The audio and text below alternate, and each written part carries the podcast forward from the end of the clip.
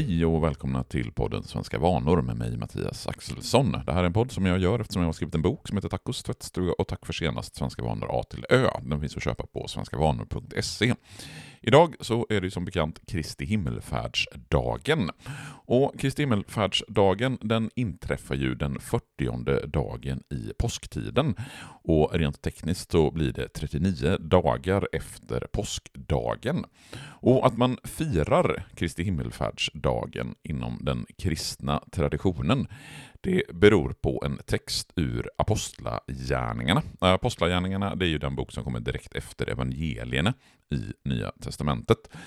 I Apostlagärningarna så står det att Jesus under 40 dagar visade sig för lärjungarna och talade om Guds rike.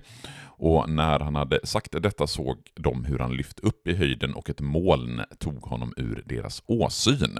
Så den 40 dagen efter påsk så inträffar alltså den dagen då man firar att Jesus åkte upp i himlen, alltså Kristi himmelfärdsdag. Eftersom påskhelgen är rörlig, den infaller ju i anslutning till fullmåne och vårdagjämning så kan också Kristi himmelfärdsdagen infalla under ett spann på ungefär en månad. Det tidigaste som Kristi himmelfärdsdagen kan infalla det är den 30 april och det senaste som Kristi himmelfärdsdagen kan infalla det är 3 juni. Eftersom Kristi himmelfärdsdagen är 40 dagar efter påskhelgen så blir det alltid på en torsdag. Det innebär att för många som jobbar kontorstider och har klämdagar inskrivna i sina kollektivavtal så blir helgen i anslutning till Kristi himmelsfärdsdagen en långhelg. Det betyder alltså att man är ledig både torsdag, fredag, lördag, söndag. Som torsdag är en röd dag och så blir fredagen en klämdag. Och även om det är en röd dag fortfarande så finns det idag inte jättemycket traditioner eller mat eller dryck kopplat just till Kristi himmelfärdsdagen.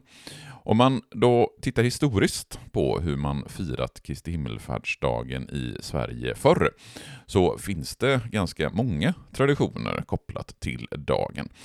Det religiösa inslaget var förvisso sparsamt även tidigare. Snarare så har man firat det som en ledig dag och ungdomar gick förr i stora flockar till någon grannkyrka där man kunde träffa eh, ungdomar från andra socknar. Kristi himmelfärdsdagen har också räknats som första sommardagen, även om det finns många andra dagar som Tibutius och första maj som räknas som det. Eftersom det räknades som den första sommardagen så kunde kvinnor från och med Kristi himmelfärdsdagen gå bar ärmade och man kunde lägga undan sina vinterkläder.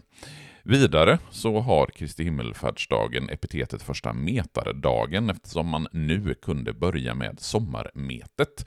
Enligt traditionen så skulle man meta från tidig morgon till sen kväll för att se när på dygnet det nappade som bäst. Och vid den tidpunkten som det nappade som bäst på Kristi himmelfärdsdagen, det var nämligen den eh, tid som det skulle nappa bäst även resten av året. En helt bortglömd tradition, det är Kristi himmelfärdseldar. De här Kristi himmelfärdseldarna de förekom framförallt i sydvästra Skåne, västra Västergötland samt i norra Dalsland och sydvästra Värmland.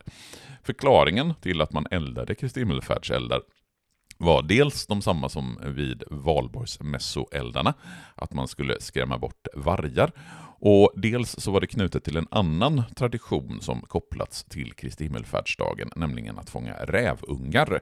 Rävungarna som föddes i mars har i maj och juni nämligen blivit så stora att de lämnar grytet och var då ett lätt byte. Och eldarna ska ha varit delvis till för att locka fram rävungarna.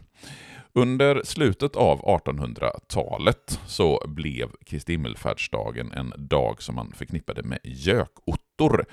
Och en gökotta, det är när man går upp tidigt på morgonen för att ha en picknick. Eh, det var framförallt arbetarrörelsen som eh, förlade sina gökottor till Kristi himmelfärdsdagen. Och till exempel så hade August Palm, den kände socialdemokratiska agitatorn, många av sina politiska möten just på Kristi himmelfärdsdagen i samband med gökottorna.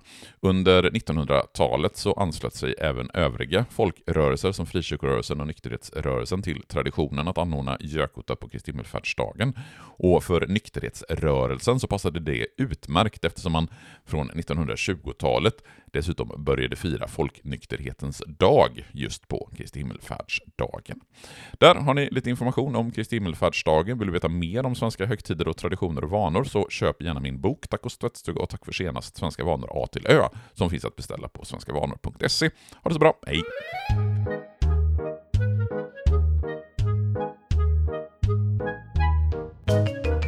Svenska vanor produceras av Reostat Media AB.